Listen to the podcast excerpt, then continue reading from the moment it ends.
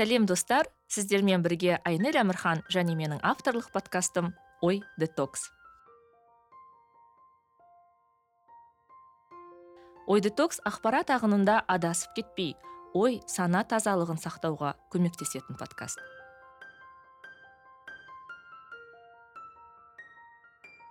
Өздеріңізбен қайта арнамда қауышып отқаныма қуаныштымын. Егер менің арнама жазылмаған болсаңыздар міндетті түрде қазір 2-3 минут уақыттарыңызды бөліп жазылыңыздар лайк қойыңыздар комментарий қалдырыңыздар. Ал эпизодым ұнап жатса таныстарыңызбен достарыңызбен бөлісіңіздер. Бұл мен үшін менің арнамның болашағы үшін өте маңызды. Сондай ақ ой детоксты қолдаушылар қатарына қосыла алатындарыңызды естеріңізге саламын. Оны патреон арқылы жасай аласыздар. Барлық сілтемелер хабарламада болады ал бүгінгі эпизодтың ә, қонағы ә, мен шынымды айтсам әдетте қонақтармен алдын ала кездесетінмін бұл жолы енді ә, осы жерде танысқан қонақ болайын деп тұр бірақ yeah. біз иә. инстаграм арнасында доспыз ә, карима мәлік деген ә, жиһангез иә yeah. Иә. блогер ә, менің әріптесім аудиода барсыздар ғой иә өкінішке орай тек ютубқа ғана шығып жүрміз кішкене әріптесім жартылай жартылай әріптесім иә ютуб бойынша әріптесім карима лайф деген өзінің ютуб арнасы бар. Ол жерде де күшті күшті сұхбаттар бар. Міндетті түрде әңгімеміз ұнап жатса карима ұнап жатса жазылыңыздар көріңіздер. Ыыы сол карима қош келдің. Көп рахмет шақырғаныңызға рахмет. Ә, негізі сол подкаст жазып жүрген адамға енді менікі толықтай подкаст емес қой бірақ ой бөлісіп жүрген адамға сені қонақ ретінде шақырса ол андай ә, күшті не екен да? Ә, признаниенің жоғарғы белгісі сияқты болып көрінеді ғой сол үшін көп рахмет андай. Мен өзім негізі жиі өзімнің инстаграмда менің ә, подписчиктер дейді ғой маған yeah. Иә. жазылған достарым өте аз саны бірақ маған үнемі көмектесіп жатады да мен айтамын маған ой детоксқа қонақтар керек қандай күшті күшті адамдар бар бөлісіңдерші дегенде маған руслан меделбек жіберген бірнеше адамды жіберді yeah. Иә. қателеспесем иә ә, сосын ә, кариманың парақшасын жіберді мен кірдім ә, каримаға да басында айтып жатырмын да көп адамдар жібереді инстаграм парақшасын жіберші деймін ғой иә. сонда бір андай эмоциональный коннект болмайды да көп жағдайда. Себебі білесің күшті адам күшті тірлік істеп жатыр тіпті жазылған адамдардың да оған сенім білдірген адамдардың да қатары өте көп. Бірақ сенің адамың емес сияқты или әлі әзір сен ол адаммен сөйлесуге піспеген сияқтысың. Ал маған карима бірден ұнады. Бізде энергетический коннект сразу болып кеткен сияқты. иә иә себебі. Андай қарапайым ашық жарқын эмоциясын жасырмайды. Бір күні күліп кіреді бір күні жылап. кіреді. Өзінің еще штативі бар көтеріп айтпаңыз ол круиздің кезінде менің бүкіл қандай эмоциялық спектрім бар соның бәрін көрген шығар мен оқырмандарым бәрі сезді. Сол кезде қарапайым өмірде күліп жүре бересің ғой деймін yeah. Иә. елде қатты проблема аз морально ойлайтын нәрсе жоқ. Бірақ круиз деген қиын нәрсе болды да содан кейін де шығар мүмкін сол ойлағандары иә енді мысалы мен каримаға жазылғанда круизда сапарда болдым жұмыс істеп yeah. Иә, жүрдің ә, жалғыз қазақ қыздардың бірі болдың иә қырғызстаннан тағы қырғыз бір қыз болды и қазақ мен қыз болдым соны айтамын да. Мен қазақтың шашбауын көтеріп жүрмін деп жылаймын ғой сол жерде. Сол кезде мен ойладым қандай күшті деп. Ә, кариманың инстаграмына кірсеңіздер отыз елде болдың иә сен? Отыз бес. Отыз бес елде болған жиырма жастасың. Иә. Масқара. Күшті. Жағымды. өзім байқамай қалыппын бұл нәрсені уже. Қандай ақшаға қыдырып жүрсің карима? Бірінші сұрақ ақшадан болсын. Негізі көбісі ойлайды оның көп ақша керек екен деп ше. Бірақ мен көп нәрсені бастайтын кезде ақшасына емес сол идея үшін ыыы нетемін да бар күшімді салам. Сол кезде өйткені мына нәрсе бар. Ыыы бір ойды ойласам қызыл жанып тұрған түстің өзі де жасыл жануға құдай өзі көмегін береді да. дәл сол секілді сол 18 жаста саяхатқа шыққан кезде менде бір тиын болмаған бірақ менде үлкен ой болған. Европаны көрсем сол жақтың студенттері немен демалады екен не оқиды екен адам қалай өмір сүреді? деген. Сол үшін төрт ай жүз мың теңгелік айлықты жинап оның он бес мың теңгесіне күн көріп қалғанын жинап жүріп үш жүз сексен мың теңге дей ма? Жинадық төрт айда құрбым екеуміз сонымен ә, сол сапарға бардық. Барғанда да былай ғой ата анаң не істейді рұқсат бермейді ғой деп айтады да. Мен айтамын маңызды емес сен главное жасадың ғой ақшаңды жинадың ешкімге айтпай виза алдық виза алып билет алып болғаннан кейін барып айттық осылай осылай біз германияға билет алып қойдық. Баталарыңды беріңдер. Солай барып келген кезде үш жүз сексен мың теңгеге тоғыз мемлекет он төрт қала көрдік. Сол кезде түсіндім саяхатқа көп нәрсе керек емес екен даже қымбат деп жүрген европаның өзі ә, қазақстаннан кейбір кезде доступный дейді ғой қолжетімді болып қалады. Ә, транспорт жағынан да хостел отель ә, достопримечательность көретін жерлердің барлықтары да көп жағдайда не болады? Қолжетімді болады. Мен сол үшін айтамын ғой. Қазақстанда өмір сүруім қымбат. Сол үшін кетіп қалғаным жақсы деймін да. бір апта екі апталық сапарларға кетсем сол жақта азырақ құртып келемін да. Солай көшпенділіктің образын жасап жүрмін ғой былайша айтқанда. Сонда сенің бірінші саяхаттаған елің ол бізге үйреншікті. Дубай турция емес европа болды германия болды. Иә германияға бардық. Қызық болған мен наватта он жеті жасымда официант болып жұмыс жасап жүргенмін мамандығым бойынша мен юайбида ресторанное дело гостиничный мамандықты бітірдім сөйтіп сол бірінші курс кезде бізге тәжірибе маңызды болды да сол наватта жұмыс жасап жүрдім. Сөйтіп ә, германиядан қонақ келді. Ұлты индус бірақ әм, сол жақта туылған кісі ғой енді сосын. Әңгімесін айтып басқа кейін фейсбукта жазып жүрді кел германияға. Ол германияны еще бәрі білетін берлин там франкфурт деген күшті қалалар емес кельн деген қаласын айтты енді бар ғой күшті қала. Германияда фаворит кельн барып көріңіздер. Амстердаммен шекаралас жерінде сөйтіп соны шақырды.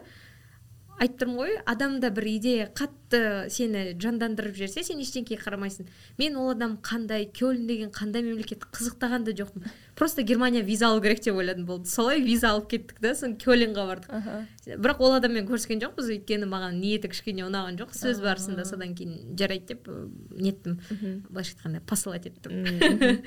Сөйтіп бірақ кельнді көріп қайттық соны өкінбеймін. Бірінші рет кельнді көргеніме германияда. Өйткені берлинға барсаңыз берлин кішкене мрачныйлау дейді ғой. Иә иә. И энергиясы да ауыр да биыл барған кезде рахымжан қошқарбаев сол барлық қазақ батырларына құран оқып ыыы отбасымызбен барғанбыз рейхстагқа барлығына. Бірақ энергия басқа да ол жақта ондай күшті не сезе алмайсың. Өйткені ауыр қала ғой тарихи. А кельн деген күшті болды енді.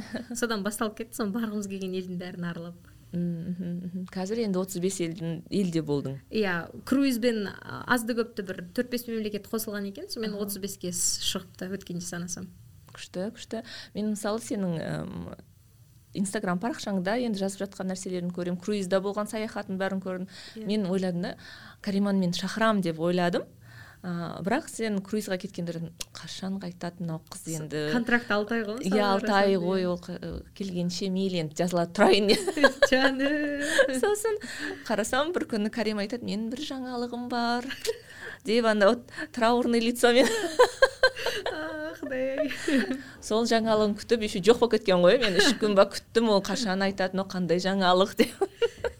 Ол интриганың потологын потологы болды просто круиздің өзі сондай да спутник ұстамайды. И біз үш жүз мегабайтты жиырма бес долларға сатып алып отыратынбыз. Мен әрбір сторисімде айтатын едім ғой құнды мынау деп.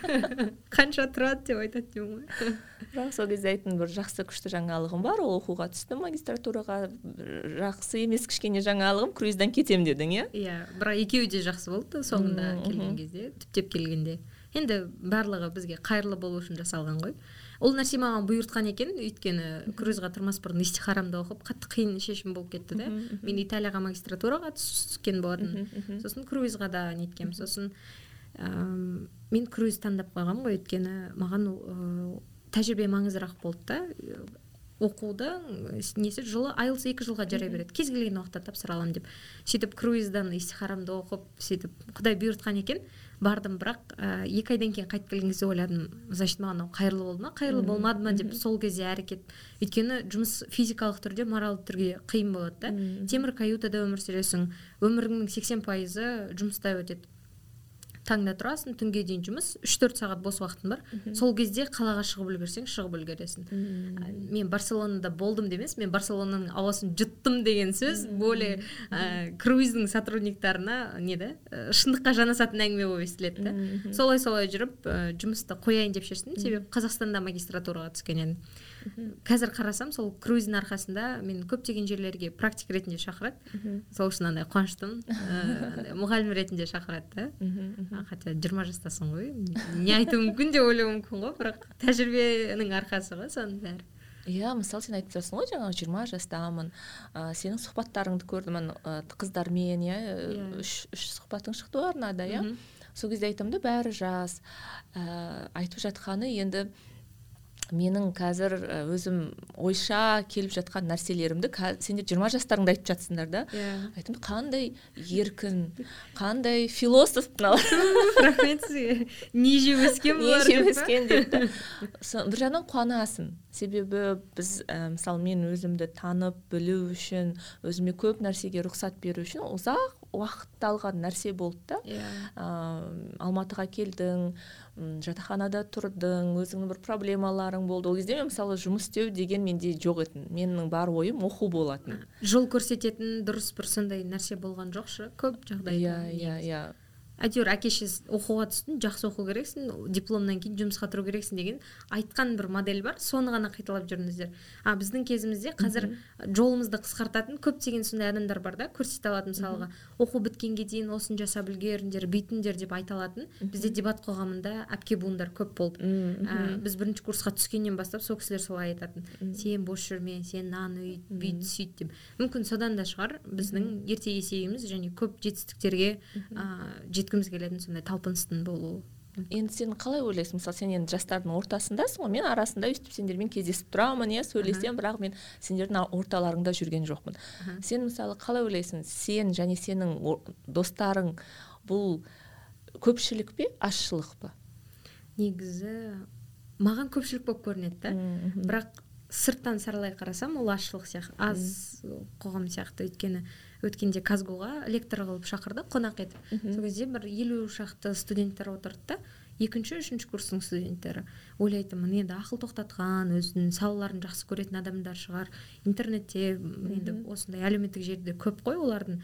Ақпарат ала алатын мүмкіндігі деп сөйтсем ә, әлі өздерін таппаған иә жұмыс жасамаған айдың басында стипендия күтетін студенттер.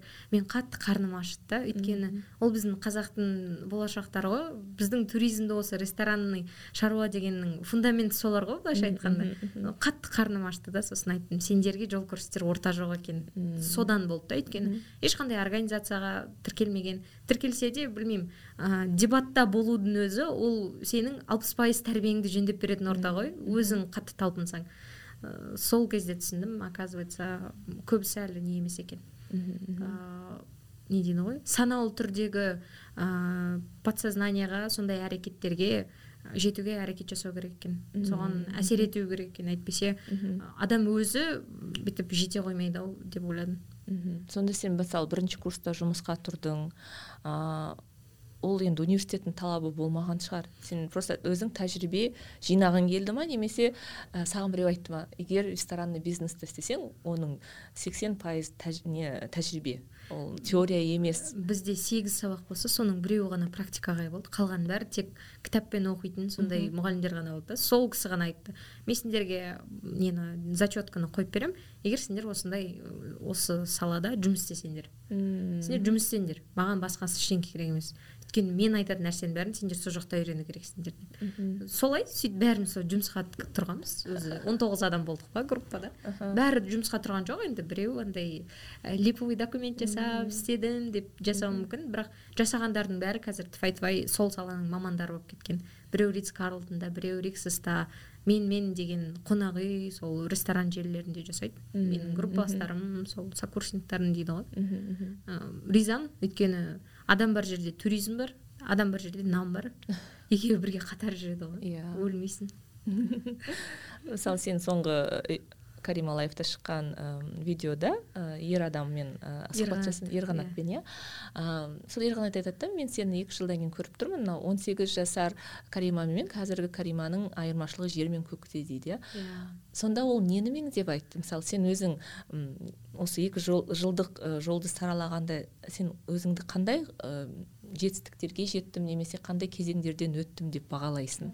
Мынадан бастайыншы ә, мен қазір түсінемін менде максимайзер деген қабілет бар екен да галлопта бірінші орында максимайзер. Мен тест тапсырдың ғой иә. Тест тапсырдым былтыр иә сол қатты қызық болды. Максимайзер деген ойлайтын бір нәрсені соңына дейін бүйтіп идеально жеткізетін деп ойлайтын едім да. Кейін саралап қарасам максимайзер деген барлық нәрседен максимум алуға тырысатын адам екен. Мысалы шай ішсең де шәмбісін сығып тұрып анау қызылын ағып соны ішетін. Там бір жерге барса да бір мемлекетке барсам барлық көруге болатын достопримечательность экспириенстарын көріп соған галочка қоймайтынша қайтпаймын. Ол сол максимайзер екен да. И мен 18 жасымда түсінетінмін мен берген қабілеттерді мен қазір толықтай пайдаланып жүрген жоқпын. Иә мен стипендия алып жатырмын иә оқу оқып жатырмын бірақ ол жеткіліксіз. Мен қазір жастық шағымның максимум алу керекпін. Өйткені төрт жыл тез өтіп кетеді деп сол дебатта айтқан еді да. Мүмкін сол нәрсе қатты әсер еткен шығар. Содан бері 18 жаста қазір жиырмаға дейін екі жыл ма? Бірақ өзімнен апргейтті қатты көремін. Мысалы официант болып істеп жүресің садикта преподаватель болып жасап жүрдім. Сондағысы жиырма бес мың теңге айлыққа бір ай бойында солай өмір сүресің. Бірақ мен сол мүмкіндіктерімді пайдалануға тырыстым да. Кейін үлкен саяхатқа шықтық америкаға стажировкамен барып келдік. Сол кезде түсіндім ә, бір миллион тапқан адам кейін одан да көбін табуға қауқарлы екен. Одан төмен та, сен табуға енді сен хақың жоқ қой былайша айтқанда. өйткені мен көрдім да менің еңбегім қаншалыққа бағаланатынын мен максимум салып жұмысқа тырысқанда мен үш рет повышение алдым да сол үш айдың ішінде үш рет повышение алдым. Мен айтамын да ә, максимум қолдансаң көп нәрсе болады екен деп. Мен сол үшін айтамын біздің енді шегелеп мезелеп жас қойған ғұмырымыз қанша екенін білмеймін бірақ осы ғұмырда бізге берген қабілеттерді ә, барынша қолдансақ біз дұрыс ағында жүреді екенбіз. И дұрыс адамдармен кездестіреді и дұрыс жетістіктер болып бізге келеді да сол нәрсенің бәрі ол. Қаржылық тұрғыдан да жетістік мағынасынан да және қоршаған орта бойынша да солай екен. Қазір мысалы круизда да істеп келдім магистратураға түсіп алдым оқуым біткен отыз бес мемлекетте болдым. Ойлаймын да мынаны ел деген ұзақ жететін нәрсе екен ғой деп жігітім де бар деп қойсай болашақ иә жұбайым жігітім қазір былайша айтқанда. Біз айтпақшы америкаға он жылға виза алдық. Соны айтамын да бұйыртса біздің бала шағамыз да автоматом он жылға виза алады екен ғой деп ше. Қандай стратегиялық тұрғыда ойлай алатын ата ана болып саналамыз біз деп ше. Мен соны соған риза боламын да. Өйткені мысалға кезінде біздің әке шешеміз ол ойламайды ғой. Осы бала шағама виза алып қояйыншы. Там он сегіз жасқа дейін ата анасы виза алса бала шағасына да виза беру ықтималдылығы тоқсан пайыз да. Собеседованияға кірмей ақ онлайн түрде баланың документін тіркеп қойсаң америка өзі виза бере береді екен. Сол себепті мен айтамын да. Сол кезде ешкім білген жоқ қой ол нәрсені. Иә. Сол мүмкін содан да шығар. Мен бәріне кеңес айтамын. Универде оқыса да кейін болса да қабілеттерді максимум қолдануға тырысу керек өзі білетін. Адам сол кезде дұрыс салада жүреді екен дұрыс мақсатта. Жалпы сол. Мысалы мен енді біраз жас, жастарға жазылдым да қызық та маған. Енді өзіме біреуге жас деп айтқанда қызық сияқты да бірақ енді сөйтіп айтасың да себебі енді рас қой. Иә. әлдеқайда жассыңдар. Сосын қараймын да бәріне мысалы саған қараймын басқаларға қараймын. Ә, мен мысалы өзімді енді бір қатты жалқау адам деп ойламаймын да енді мен де ізденемін бір нәрсе істеймін. Бірақ work and travelді алатын болсақ біздің кезде де болды ғой ол. Мен талай бардым олардың жаңағы сабақтарын таныстыру болады ғой. Иә, мынандай yeah, жұмыс бар бүйтесің бағдарламаны таныстыруларына. Yeah. Иә. сонда мен кейін қазір ойласам ә, мен ә, маған ол кезде енді екі мың доллар ма есімде жоқ. Бір ол маған енді үлкен ақша болатын. Менің ата анамда да жоқ. Мен білемін да оларға барсам ол, ол ақшаны бермейтін тауып бермейтінін деп ойладым да. Қойшы бұл менің бағдарламам емес деп кетіп қалдым. Қазір ойлаймын. И кейде сондай қасиеттер мен басқа тірліктерімде де не қылады да мүмкіндік іздемейсің. Ә, қойшы бұл енді оны істеу үшін анау керек мынау керек ой қойшы ол болмайды. Жоқ деген ответтер табуға көбірек тырыса бастайсыз иә дейсің да кетіп қаласың. Кейін сендерді қараймын мысалы work and барып келеді бізде де ақша болған жоқ біз бірақ мынандай істедік бүйттік сөйттік жинадық әйтеуір ана ақшаны дейді да. И келгеннен кейін қандай бәрі емес бірақ көп адамдар басқаша болып келетінін байқаймын да өзгеріп келетінін. Сонда ә, кейбір адамдар қандай да бір шешімге бойындағы қасиетке жиырма жасында келеді он сегіз жасында кейбіреулер отыз бес жасында келеді. Yeah. Иә. ол әрқалай да жол бірақ жаңа сен айтқандай мысалы сендердің мысалдарың көпшілікке үлгі болу керек сияқты маған. Рахмет. Деп мақтап қойған дей ма шелек болып жоқ өзім сондай бір қорытындыға келдім. Мысалы мен өзімді ешқашан сондай бір жалқау енжар адам деп ойламасам да көбіне сөйтіп көп бір қатар мүмкіндіктерді ә, басымдағы қандай да бір шектеулер арқылы жіберіп алғандай сияқтымын. Жалқаулықтан кейде артық жаңағы қойшы ол болмайды. Ояққа тек қана work and travelға жаңағы қалтасында екі мың доллары бар ә, балалар немесе ата анасы тауып бере алатын балалар бара алады деген түсініктен мысалы мен work and travelға барған емеспін. Біздің мысалға біз тапсырған кезде бір жарым миллион ол болған жоқ. Мен көп нәрсені айтқым келеді. Осы ситуацияға байланысты. Мысалға ақша қиындық болып тұр иә бұл жерде. Бірақ сенің арманың ақшадан да көбірек салмағы ауырлау болу керек та мен ол кезде ол ақшасының қиындығын ойлаған жоқпын. Мен ойладым америкаға барғанда бар арманым нью йорк деп өлең айту болған менің арманым. Сториз қою ол сториз болсын басқасы болсын мен айтамын да большая американская мечта әрбір жас өспірімде барлық үлкен ересек адамдарда болады ол нәрсе. Менің сол арманым қатты ауыр болған сияқты анау қиындыққа қарағанда. Сосын мен айттым әке шешемнен сұрадым өтініш маған нотариусқа барсаңдар да қарызға ақша бере тұрыңдаршы ол полный сумманы екі мың долларды сразу төлемейсіз ғой? Бөліп бөліп төлейсіз да? Декабрьге дейін осынша сумма төлейсіз. Сосын желтоқ ой неде январь айында мынаншасын төлейсіз. Визовый сбор басқасы бар деген сияқты. Сонда былай қарасаң былай бүйтіп екі жүз мыңнан бір бересің кейін жүз елу мың кейін екі жүз мың солай бөліп бөліп төлейсің. Ал оны екі үш айда табуға болады ол ақшаны бөліп тапсаң. И сол кезде стратегиялық ойлауың ана шешімді оңай түрде жасап тастайды да содан кейін айттым маған осынша қаражат керек болып тұр. Ә, маған төрт айға бере тұрыңдар. Мен сендерге америкадан келгеннен кейін қаласаңдар процентімен қайтарып берейін дедім да сөйтіп жарты суммасын әке шешемнен алдым жартысын ә, билетін басқасын бәрін өзім ә, жұмыс істеп сөйтіп жинап жүріп ә, жартысын өзім қостым. Солай ақ әйтеуір құдай тауып берді сол ақшаны. Кейін келген кезде ол сен уже жауапкершілікпен келесің да әке шешеңе қайтару керексің өзіңнің қалауларыңа мақсаттарыңа деген сияқты. Ақшаны бөліп уже ә, жинаған ақшаңды ысыраппен құртпайсың. Мысалға мен көп ә, work and travelда барып келген студенттерді білемін. Ой тауып жатырмық қой деп там болмайтын нәрселерді алып сонда. Енді ол да өзінің қалауы ғой бірақ мен ондай нәрселерге құртқым келмейтін еді. Әзірге бізге инвестиция маңыздырақ білімге өзімізге деген. Сөйтіп келген кезде бір алты мың доллардай алып келдім. Өзім сол жақта құртқаным бар басқасы бар. Сол өзім күшті сезіндім сол кезде долларлармен. Андай ғой дастарханда отырасың да шеше сенің қызың доллар әкелді деген сияқты. Білмеймін. Ішімнен сондай сезім болатын. Енді ол кісілер айта қоймайды ғой қатты. Бірақ сөйтіп сытырлатып тұрып ақшаларын санап берген кезде айттым міне болды. Бұл бірінші және соңғы рет шығар мен сендерден осылай сұрағаным. А, одан кейін уже біз америкада айында бір миллион екі миллион табуды үйрендік қой сол кезде. Содан кейін мен ойладым бұлай тауып келсем демек мен елімде де таба алатын қабілетім бар ол жерге мемлекетке байланысты емес маған көбісі жазады мына жаққа қалай кетіп қалсам болады мына жаққа қалай жұмыспен барсам болады жұмыс визасын жасап бересіз ба деп. Мен айтамын мен басым екеу емес саған ондай нәрсені айтатын сен сол жаққа барып табатын ақшаны осы жақта да табатын күшің бар демек. Мысалға біз бір ай істеп солай тапсақ демек қазақстанда да таба аламын. Бірақ уже физикалық тұрғыдан емес миымды қолдану арқылы табуым керекпін деп ойладым да. қазір тфай тфай сол тапқан сумманы біз уже білімімізбен тауып жүрміз да. Ол уже екі есе одан да приятный сезім ғой. Одан да ләззаты басқа. Білім қолданғанда және ол білімің басқаға әсер етіп жатса бір қазақтың көзі ашылып жатса неге қуанбайсың? Мысалы мен сол үшін инстаграм сол үшін жүргізетінмін. Ол бір мақтану емес басқа емес. Ә, менде болып жатқан сезім басқада да болады. Бірақ ол көрсетпеуі мүмкін. Біреуде де депрессия болады біреуде де ақша болмайды. Бірақ мен оны жазатынмын. Менде осындай жағдай ол кезде менде мың жарым ақ оқырман болатын. Маған маңызды емес еді. Америкада да жүргенде де мың жарым оқырман болатын. Бірақ сол мың жарымның ішінде ең болмағанда үш төртеуі өзгерсе де маған ол жетістік қой. Сөйтіп айтатынмын осылай бізде айлық осындай болып қалды мен ақшам жетпей жатыр бірақ мен өзіме осындай вызов тастадым деп қойып әр нәрсені жазатын. Кәдімгі менің күнделігім болатын виртуалды күнделігім болатын.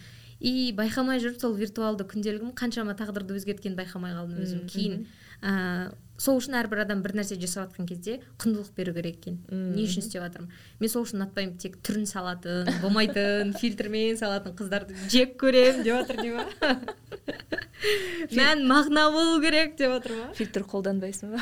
Жоқ фильтр қолданамын просто мен бүйтіп былай бүйтіп сала беретін қыздарға шатырым таяды. Өйткені одан мән мағына жоқ та менің уақытымды ұрлап жатрсың деп айтқым келеді кейде ше. Мен кейде солай сурет салсам мен осындай ұлттық киімдерімді салуға тырысамын өйткені менің шетелдік достарым өте көп. Мен жүз елу мемлекеттен достарым бар әртүрлі. Өткенде саммитқа барғанда да дубай саммитта қазақстанның делегаты болып бардық. Сол кезде де мысалы қаншама оқырманың бар. Оларға қазақ деген ұлтты ең болмағанда инстаграмнан насихаттайын иә насихаттауға менің мүмкіндігім бар да. Мен сол себепті саламын. Сондай мақсатта. Мен тағы бір таңғалдырған нәрсе мысалы ақша табу қасиеті да. Мысалы жаңа сен сондай марафоның бар ғой иә? Шетелге саяхаттау ма иә саяхаттау бойынша тиімді саяхаттауды үйретеміз магистратура шетелге тапсыру бойынша. біз өзіміз қандай жолдан өттік соны адамдарға практика жүзінде үйретеміз да. Ол андай емес бір жерден оқып алып осыған айта қояйыншы сата қояйыншы деген нәрсе емес. Мен сол қанша жыл өттім сол нәрсені адамдарға айтамыз да. Сондай курс бар. Бірақ ол оған уже сатылым жабылып қойды. Ә, сол форматтағы соңғы курс деп шештік жауып тастадық. Кейін енді әр тақырыпқа бөлек бөлек үлкен вебинар секілді түсіруді ойлап жатырмыз. Мысалы виза бойынша да иә сенде сондай идея пайда болды ғой иә түсінгенім. Иә. Виза алу бойынша қолдау көрсету деген сияқты себебі мен алты рет отказ алғанмын бірінші рет тапсырған кезде. Американский визаға ма? Жоқ европаға. Енді өзім тапсырдым ғой маған құжаттардан ешкім көмектеспейді мысалға. Әр шатасып жүріп бір күні барамын қайтарып жібереді бір күні барамын мынауың дұрыс емес дейді. Бір қол қатесі сөйтіп жүріп алты рет ә, енді алты рет ақша төлеген жоқпын бірақ әр барған сайын солай қайтарып жібере береді да мен құжатымды қабылдамайды. Мен шаршап кеттім сол кезде. Бірақ берілген жоқпын алтыншысында. Осыған берсем бердім бермесем дубайға кетемін деп ойлағанмын ғой сол кезде жинаған ақшама. Сөйтіп құдай бұйыртып соны тапсырып кеттік содан кейін ойладым. Мен жасаған қателікті басқасы жасамай ақ қойсын деп басында айтып жүрдім. Постқа да салып жүрдім қалай тапсыру керек не істеу керек. Бірақ кейбір адамдар білмеймін тегінді де қолданбайды ма қызық әйтеуір. Содан кейін біреу сұраған соң солай услуга деген идея келді. Визовый услуга жасап көмектесіп. Бірақ ол кезде де былай айтамын бұл бір реттік қызмет. Осыны жақсылап жаттап алыңыз.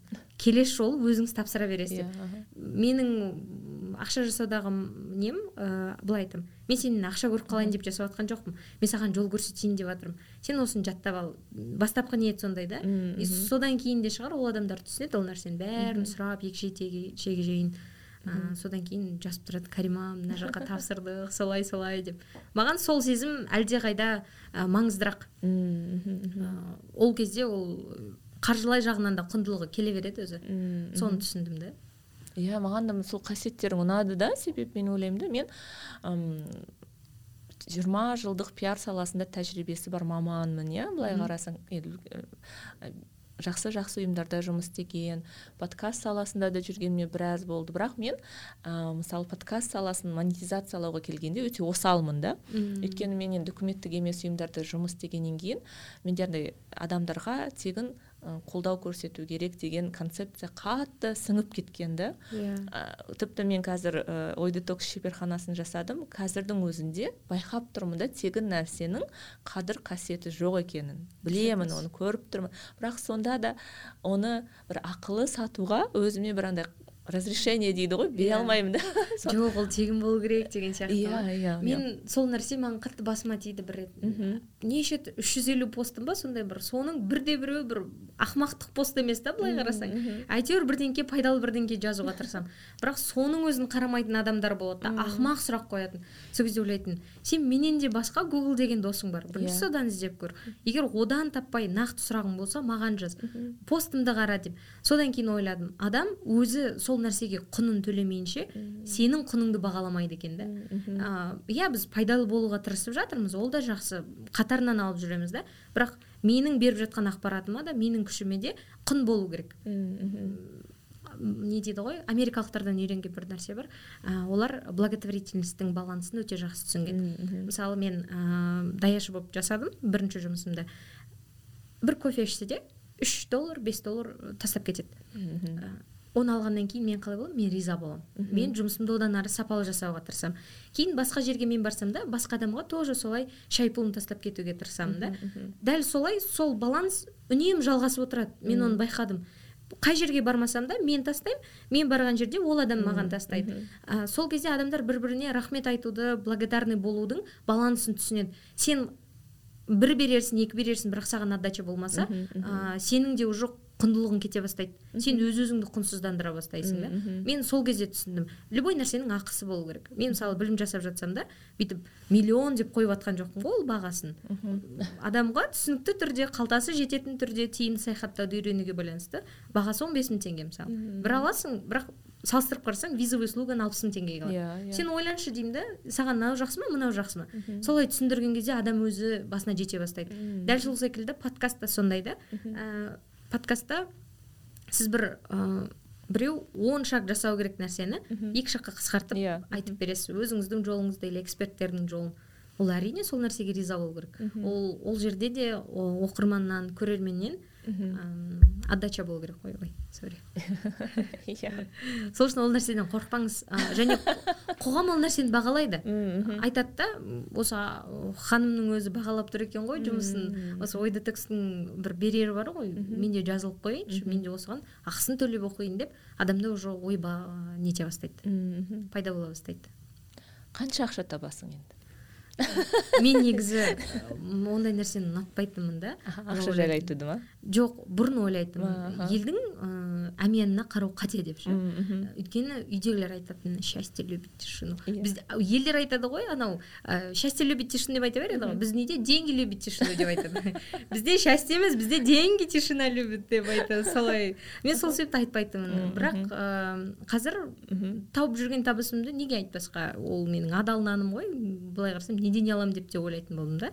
Қазір орта табысым екі екі жарым миллион табамын ай сайын. Иә. Өзіңнің жеке табысың обороттағы ақша емес иә ол или ол кәдімгі бәрі? Кәдімгі қалтама түсетін таза ақша екі екі жарым миллион. Ол енді ғана. Оған дейін үш жүз төрт жүз мыңға да риза болатынбыз одан да азына да болатын. Тіпті саяхаттауға солай тірнектеп жинайтынбыз да. Ол осы бір екі айдың көлемінде ғана солай көтеріліп жатырмыз. Себебі қаржылық ә, әрекеттерімізді дұрыстай бастадық. Ә, содан кейін де шығар мүмкін солай көтеріліп жатқанымыз. А сендерде бір кәдімгі команда ғой деймін иә соған қарағанда? Біз біз дегенде. Мен әйгерім а әйгерім деген сенде қонақта болған қыз ғой иә? Менің жан досым менің группаласым руммейт соулмейт деп айтады ғой. Жан бүкіл саяхатымда тек сонымен шыққанмын ә, бірақ мемлекетке әйгеріммен бармаймын деп уәде бергенмін ол индонезия балиға. Өзім күйеуіммен барамын жігітіммен барамын деп айтқанмын жан құлақ қағыс деп айтып қояйын да. Иә сол жаныңыздың суретін неге көрсетпейсіз? Енді ол жерде счастье любит тишину деп жатыр дей ма әзіл ғой өзімнің беташарымды ашқаннан кейін оның беташарын ашамын деп уәде бергенмін. Дұрыс дұрыс аха. Жоқ ол ондай емес. Бірақ инстаграмда жүргеннен кейін сіз де түсінесіз ғой пиар статистика охват деген нәрсені. Сол ә, жігітімді салған кезде екі есе артып кетеді да адамдарға қызық болып кетеді. Сол үшін айтамын ә, жұрттың жеке өміріне қызықпай ақ қойыңыз бізде де әртүрлі спектр эмоциялар болып жатады. Кейде ұрсасың кейде басқа болады. Және оны қоғамға көрсеткің келмейді. Ішкі саясат бар сыртқы саясат бар. Сыртқы саясат ол мен жасап жүрген нәрсенің басқасы бар. Ал менің ішкім ол сол жігітім отбасым басқа деген сияқты. Сол үшін мен отбасы жайлы салмаймын жігітім жайлы ештеңке ашып салмаймын. Ол менің қағидам инстаграм жүргізгендегі ішкі саясат сыртқы болып кетпеу керек деген сөз ғой. В общем жігіт ахбаттың құрбаны болып кетті ғой. Қойыңыз үйде айтпаңыз ол да менен біраз пайда көріп отыр деп отыр дей ма мысалы қорықпай ұялмай қысылмай ә, тіпті табысыңды да айтып жатсың да. Ол, ол үлкен табыс ол үлкен мақтанарлықтай табыс. Себебі үлкен аға әпкелеріңнің бәрі ондай ақша таба бермейді. Ол топ менеджментте отырған мысалы адамдардың да айлығы болуы мүмкін. Өйткені yeah. Иә. біраз ақша. Ә, енді қазір сенде твай твай твай осылай жалғаса берсін ақшаң пайда болды. Саяхаттау стиліңде қандай да бір өзгешеліктер болады ма? Ә, мен хардкорный саяхатшымын. Ә, мен саяхаттаған кезде комфортымды емес. Сол мемлекеттен не ала аламын деп ойлаймын. Сол мемлекеттің халқы қалай өмір сүріп жатыр деген сұрақпен барамын. Қайда барсам да менің ішімді сол нәрсе жандандырады. Мен сол үшін ә, серфинг деген бағдарлама бар. Сол үшін ә, шетелдіктердің үйінде тегін қонуға мүмкіндік. Ә, мен чехияда солай ә, бір чех баланың өмір дағдысын көрдім. Қонған жоқ біз үйінде өйткені біз отбасымызбен болдық. Бірақ мен чехияға барып тұрып ол ұлты қалай өмір сүретінін көруім керекпін ғой. Өйткені турист болып барсаң сен тек туристік жерлерді ғана көресің. А ол маған керек емес та мен енді ұзақ күнге келіп жатқан жоқпын ол мемлекетке бүйтіп зерттеп көретіндей. Қысқа келгеннен кейін сол елдің халқымен сөйлесуге тырысамын. Сол қарапайым бізбен жасты бір бала болды айтишник бала. Өзінің өмір дағдысын айтып береді. Төрт бес сағат жұмыс жасайды кейін пабтарға барып ә, демалып достарымен отырады. Ә, халықтың ә, өмір сапасы өте жақсалған да. Ә, сондай нәрселерді көргеннен кейін сен де өзіңнің еліңе сол нәрсені енгізгің келеді. Ә, ит болып 12 сағат 10 сағат жұмыс істегеннен гөрі ақылыңды өзіңнің қабілеттеріңді қолдансаң солай да төрт бес сағаттың ішінде сол нәрсені таба алуға болатынын түсіндім сол кезде.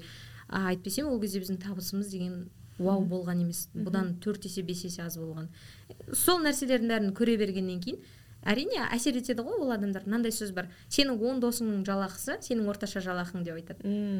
Әрине ондай достарың болса солай өзінің қабілетін дамытып жатқаннан кейін сенің дамымауға уже хақың жоқ қой. Сол нәрсе маңызды сосын бізде балида да солай болған. Балиға барып қойдың ба уже? Ой гавайиға барғанда кешіріңіз. Ойлап қалдым бали деген күшті есім кетті да. Шатасып кеттім ғой. Гавайиға бардық америкада жүрген кезде сосын гавайлықтардың өмірін көрдік. Қызық та мысалға оны ешкім көрсете бермейді ешкім сезіне білмейді. Ол турист болып барса қымбат отельде жатады. Ал біз сол жақта өмір сүретін бали ой индоне гавайилық кешірім сұраймын. Гавайлық баланы үйінде өмір сүрдік. Манголары бар есік алдында. Мындай мопедпен жүреді серфинг жасайды. Сосын айтамын да телевизордан көретін өмірді шын көрген кезде сіздерде де сондай нәрселер ойнай бастайды. Сондай нейрондар мен де жасай алады екенмін ғой осындай өмір де бар екен ғой деп ойлайды. Той томалақ ә, адамның санасын ә, тұрмыс билеп кетпеу керек. Адамның санасын тұрмыс билеп кеткен кезде сенің басқаға ә, қауқарың болмай қалады. Сол үшін айтады тұрмысқа шыққан сондай қыздарға да енді жасөспірім қыздар ғой мысалы менің қатарластарым тез тұрмысқа шығып жатқан кезде айтамын санаңды тұрмыс билеп кетпесін ә, өйткені сен қазір бала туғаннан кейін басқа алғаннан кейін сен балаңа бірдеңке бере алуың керексің.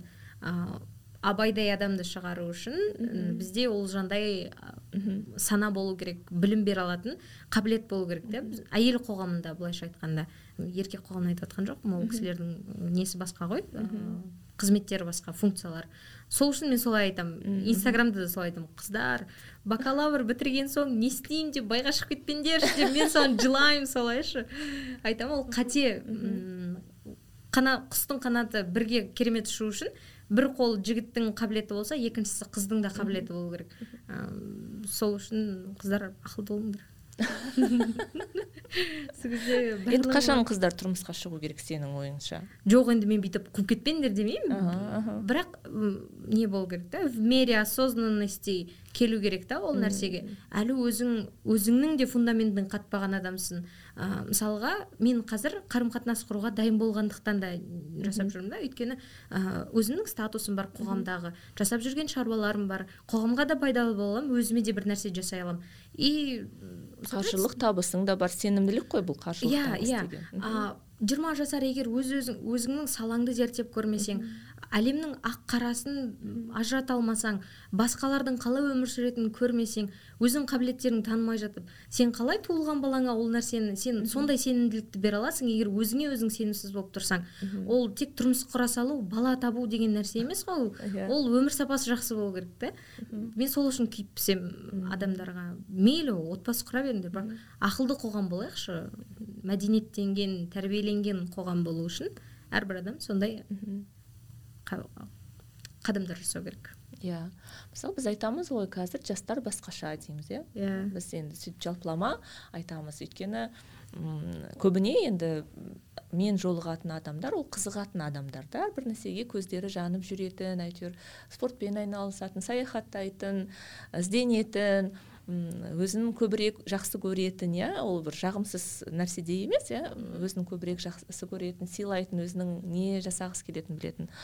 Бірақ әм, сен енді осы ортада жүргенде қазір жастар қандай мәселеге көбірек қызығатын сияқты сенің замандастарың? Енді сен қазір өзің саяхатпен басың қатып жүрген адамсың ғой иә?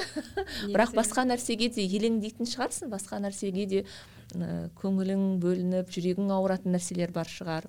Бар үш төрт нәрсе бар. Мысалға мен сол өзім әлемінде жүргенде ол тек саяхатқа байланысты емес. Мен басқа проблема болып жатқан нәрселерге қатты назар аудармауға тырысатын едім да. Өйткені ол сенің энергияңды алады сен жолыңнан тайдырып жіберетін нәрсе деп көретінмін бірақ қазір біз жасап жатқан әрекет ол қоғамға пайдалы болу болған соң ым рассрочкаға алады ғой. Аха. Кредитқа алады ішіп жейтін кредитқа алады маған сол нәрсе ұнамайды да. Қаржылық сауаттылықтың болмауы қарапайым түрде.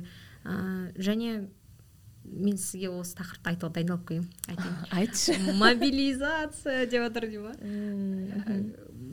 Маған ұнамайтыны мен ұлтқа бөлмеймін. Мен қанша жерде жүрсем де сол ұлттар ғой. Әлемді бақытты ететін солар тану арқылы өмір сүріп жатырмыз. Бірақ өзіміз енді қазақтанып келе жатқан кезде қайтадан орыстанып кеткен маған ұнамайды да.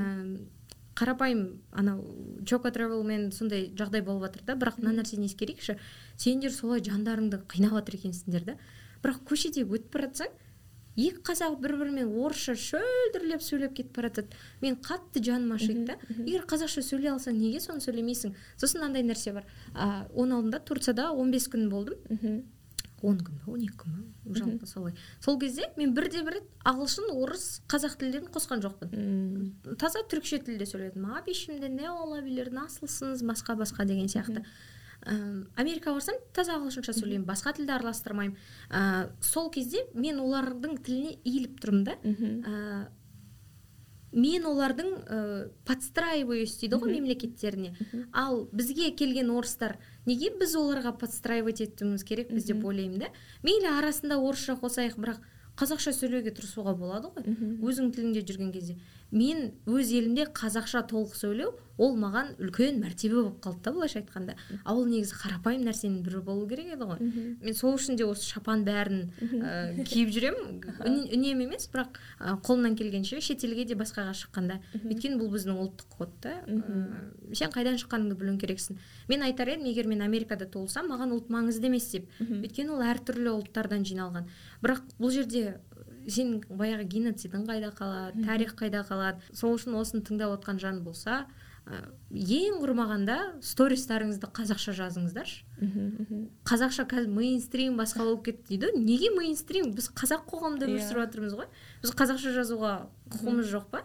Маған айтатын осы сен карима әтеге жазып жүрсің ба қазақшаны деп сөйтеді мен айттым айналайын ау мен осы мейнстрим болып бес жыл бұрын қазақша жазып yeah. Иә. бастағанмын инстаграм ашқалы бері деп. Стористарыңызды қазақша жеткізе беріңіз. Түсінеміз ол нәрсені. Мхм. Оларға да қызық. Мысалы мен шетелдік достарыма қызық. Қалай естіледі? Ғ қ деген әріп француздарда бар да мысалға мен қуассоң десем олар қызық та. Тілі келмейді олардың. Сондай ұлттық нәрселерді көрсетуге тырыссаңыз олар да қызығып бастайды ол нәрсеге. Басқа мемлекеттен ерекшелігіміз сода ғой. Қазақ деген нәрседе. Иә. Мысалға түріктер мейлі қаншама шетелдік келіп жатыр. Бірақ елінде мынандай талап бар. бір шетелдікті жұмысқа алса үш түрікті қатарынан жұмысқа алу керек. Ол мемлекет үшін жұмыс басшысын ол қиын ғой. Төрт адамды қатарынан қамтамасыз ету. Сол секілді сондай заң болса ә, ол адамдар да басқа жақтан жұмыс іздей бастайды да. Біздің ә, еңбек қоғамына жұмысқа қабілетті адамдардың ә, несі шанстары көбейеді ғой былайша айтқанда. Ол басшылыққа тиімді емес қой бір шетелдікті алып жанынан тағы біз үш қазақты алды деген сияқты. Сол себепті үш қазақты қатарынан ала берген жақсырақ та. Ол кезде біздің өзіміздің қоғам да дами бастайды. Біз енді ол жерде мейлі олардың жағдайына түсінуге тырыссақ та біз ресей емеспіз ғой. Біз қазақтың қоғамын көбірек ойлау керекпіз. Қазақ қалай дамиды ә, қандай жағдайда политикалық мындай дипломаттық тұрғыда шеше алатын нәрсе ғой. Сондай заң болса мысалы мен көп орыстарды білемін онлайн істейтін. Соны компанияларында істей берсін. Оған ешкім кедергі болып жатқан жоқ. Жасай бер сол шаруаңды. Бірақ басқасына кіргің келсе міне талап осылай деп айтсақ.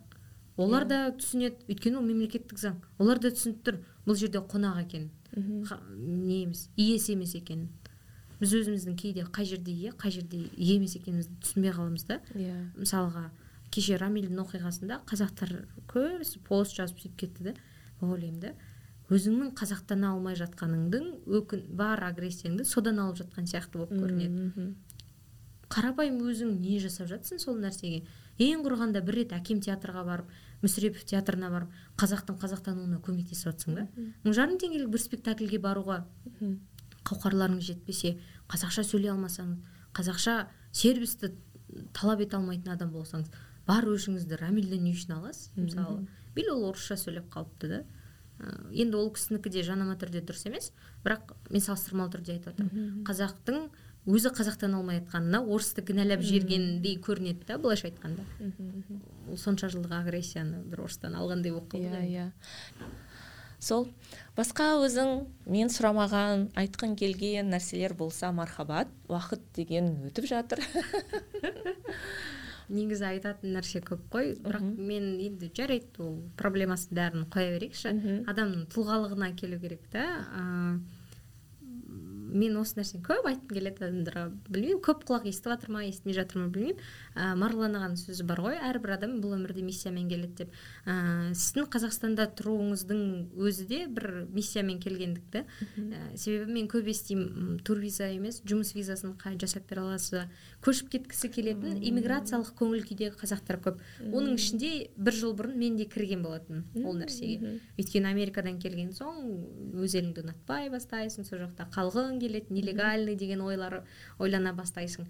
Бірақ ә, кейін қазір америкаға он жылдық виза алдық та. Бірақ ол нәрсе де мені бақытты жасамайды да өйткені мен осы елімде авторитет құра алатын адаммын да. Мен қазақ болып туылған соң осы қоғамда бірдеңке жасау керек болған екенмін деп ойлаймын ше қазір. И кеткісі келетін басқа мына жерден береке таппай жатқан адамдарға да айтқым келеді да. Ойланып көріңізші не үшін бұл жерде тұрдыңыз? Не үшін сізге осындай қабілеттер берілді? Иә дамыңыз барып көріңіз жұмыс жасап көріңіз. Бірақ ол деген сөз баз кешіп кетуге болады деген сөз емес. Ыыы сол үшін де елден де пайда табуға елге де пайда бере алатын ойды ойлау керек. Ә, және қабілеттеріңізді дұрыс пайдалана берсеңіздер. Себебі былай болады да егер мысалға сіз подкаст жазып жүрсіз. Ол сіздің ішіңіздегі қабілет ә, сіздің қалауыңыз ғой былайша айтқанда. Бұл сізге қаржылай тұрғыда көп пайда алып келмеуі мүмкін шығыс та болуы мүмкін да. Өйткені маған подкаст жазу шығыс кәдімгідей иә. бірақ ә, бұл менің қабілеттерім қалауларым сіздікі де дәл солай. Соны жасағаннан кейін де құдай сіздің жолыңызға неше түрлі адамдарды кездестіреді қонақ қылып шақыра алатын идеялар алып келеді.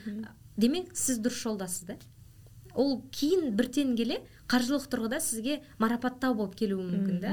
Бір жерден бір керемет нәрсе ұтып алдыңыз ә, немесе біреу спонсор болды деген сияқты үлкен проектпен коллаб жасадыңыз дегендей. Мен сондай нәрсеге сенемін ә, егер менде бір қабілет қалау болатын болса ол нәрсені жасау керек. Демек ол соңында қаржылай тұрғыда да авторитет тұрғысынан да және халыққа берекелі болатындай не мадақтауы марапаттауы болады ол құдайдан себебі сіз сол ішіңіздегі нәрсені дұрыс тыңдамай жасамайтын болсаңыз ә, сіздің жасап жатқан ісіңізге береке бермейді. Үнемі ақша аз айлық табатын боласыз или болмаса күйбең тіршілікпен ақ өміріңіз өтіп кететін болады. Неге өйткені сіз қабілеттеріңізді дұрыс пайдаланбағаннан кейін құдай айтады аха мен берген инструментті сен қабылдамай екенсің онда өзің тырмыштанып жасайтын нәрсеңе мә дейді да оның берекесін жасамай қойған. Айдан айға өмір сүру мына айлықты жеткізе алмай қалу қарызға өмір сүру деген нәрселер сондай нәрселердің қарапайым алғашқы қадамдары деп ойлаймын менің түсінуімше. Өйткені маған кезінде ешкім айтқан жоқ туризм саған нан болады ресторанда істесең или круизда істесең осы жақтан керемет қаржы тауып кетесің деп ештеңке айтқан жоқ. Мен қазір тыңдайтын или өткенде сізде профориентологпен подкаст болды сол кезде айтқым келеді да э, қаржы бір салада жатқан жоқ ол. Иә. айтида басқада деген сияқты. Қаржы әр жерде жатыр. Бірақ ә, соны ұстай алатын қабілет болса болды да. Мысалы бізде қарапайым екі қолымыз екі қабілет. Мектептегі білім универдегі білім.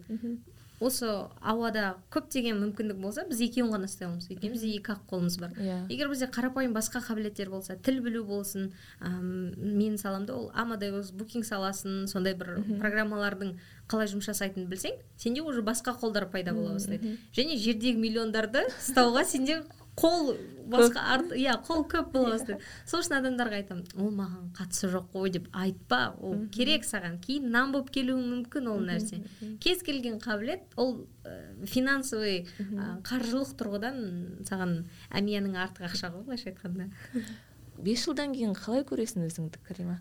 Күшті көремін менде футуристика деген қабілет қатты дамыған. Мен бұрын айтатынмын өзімді бизнес леди ретінде көремін деп. Ә, мен қазақ театрын мен актриса болғым келген негізі. бірақ ә, оқу ақылы болды сол себепті түспедім әке шешемді қинамай ақ қояйын оларға айтпағанмын оған түскенімді еще просто ақылға түскеннен кейін үндемей он бірінші сынып жалғастырып кеттім. Содан бері мен ә, театрды қатты жақсы көремін. ә, түсе алмағаннан кейін былай ойлайтынмын. Бірақ идеямды айтып қойсам қате болмайды театрға қатысты ресторан отельге байланысты сондай бір ә, концепцияланған коллаб жүйесіндегі бір нәрсені ашқым келеді. Ә, және менің жігітім де осы салада ол да ресторанный делоны бітірген. Сол себепті де шығар біз өмірде партнермыз да менің өмірлік серігім ретінде де солай барлық нәрсені бөлісе аламыз да. Үлкен проекттер жасауға. Ыыы бұйыртса солай көремін үлкен ресторанның және алакөлден глэмпинг ашқан сондай ортақ ыыы семейный бизнесі бар адам ретінде. Ыыы так бес жылдан кейін деген сөз. Бір балам бар шығар. Екі бала екі балам деп айтайын. Баланы да үлгеремін тірлікті де үлгеремін десе. Айтпаңыз бәріне үлгеремін негізі күш тапсам бәріне үлгеруге болатын сияқты. Мен қазір өзімді отбасылық өмірге енді дайын болып келе жатқан адам ретінде көремін да. Өйткені айта алатын нәрсем бар қаржылық тұрғыдан да ә, жігітімнің де менің де стабильность те маңызды отбасы құрған кезде. Сол нәрселердің бәрін есептей отыра жақсы қоғамда демографияға атсалыса алатынымызға күмәнім жоқ. Ә, және шетелден америкадан қазақ ресторанын ашқым келеді. Ә, себебі біз чикагоға сан францискоға барған кезде өзбек ағайындардың қырғыз ағайындардың кафесіне барамыз. Ә, бірақ біздің қазақтардың нәрсесі жоқ. Ә, негізі сол сандық күшті концепция болған. Бірақ сондай бір жеңіл түрде фастфуд сервис форматында қазақша ресторан ашқым келеді. Сондай бір бизнесмен бизнес леди боламыз.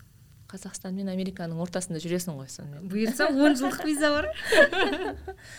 Ал мен айт, барлық алға қойған мақсаттарың орындалсын. Рахмет. Себебі мен марқұм әжем айтушы еді тірліктің көзін тапсаң болды. Ана қарды жанады дей ма не дейді? Қалауын тапсаң қар жанады иә сол сияқты иә. Ол кісі айтатын тірліктің көзін тапсаң болды немесе тірліктің көзін таба алатын жігіт тапсаң болды деп. Өте дұрыс айтады.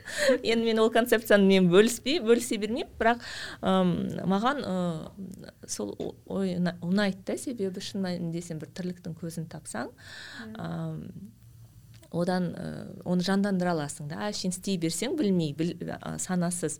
Онда жетістікке жету қиын. Мүмкін ұзақтау болатын шығар мүмкін шығар бірақ. Иә дұрыс айтасыз. Шынымен де солай.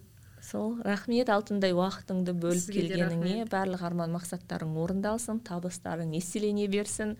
Ә, сен ә, шабыт беретін оқырмандарың көрермендерің көп болсын. Расында да мен бір үлкен құрбым айтушы еді «Ә, саған повезло бұрында менде үлкен құрбы болмайтын ақыл айтатын деп сол сияқты. Көп рахмет сізге. ақыл беретін жол беретін замандастарыңа күш беретін адам болып жүре бер. Рахмет саған келгеніңе. Ал достар міндетті түрде біздің м, эпизодты аяғына дейін көрген болсаңыздар мотивация алдыңыздар ма қандай ой түйдіңіз? Міндетті түрде бөлісіңіздер. Біз карима екеумізге өте қызық болады оқыған маңызды. Ә, сіздерге де қандай да бір пайдалы ақпарат берсек шабыт берсек екі жарым миллион деген енді күшті мотивация шығар көпшілік үшін. Сондықтан осындай нәрсеге жете берейік. Ой детоксты тыңдағандарыңызға көргендеріңізге рахмет. Маған жазылмаған болсаңыздар міндетті түрде жазылыңыздар. Ә, қайталай беремін бұл мен үшін менің тірлігім үшін өте маңызды маған да шабыт береді ары қарай жұмыс істей беруге. Сондықтан менімен бірге болыңыздар. Рахмет. Аха рахмет. Осы жерде сіздің а, каналыңыздың а, қолдауына өте оқырмандар санынан да ә, керемет отдача болу үшін менде мынандай бір идея бар. Ә, осы подкасттың астына ә, он керемет комментарий жазып кеткен адамға ә, менде саяхаттауға байланысты ә, кәдімгі ақпарат гайд кітапша бар. Ә, соны бөлісейін. Мүмкін сіздердің ол саяхаттарыңызға деген алғашқы қадам болар. Және бұл подкасттың қолдауына да күшті ә, керемет қадам болар еді. Өйткені сіздердің ойларыңыз бізге маңызды. Подкаст жазып жүрген адамдар бір бірін қатты түсінеді. Мен былай айтамын ғой бөтелкелестер деп сол секілді біз бөтелкелес болып тұрмыз ғой сол мен бүгін көп сөз естідім. Шатырым қашады дедің ғой не дедің шатырым таяды таяды. қазақтың әдемі жаргон сөзі ғой былайша иә. айтқанда. иә күшті. Рахмет карима. Сізге де алғашқы бұл осындай сыйлық мен тыңдармандарыма көрермендеріме. Сондықтан міндетті түрде жазылыңыздар комментарий қалдырыңыздар. Күшті сыйлық. Өзіме өзім де алғым келіп кетті. Сізге айтпай ақ қоямын ғой. Рахмет.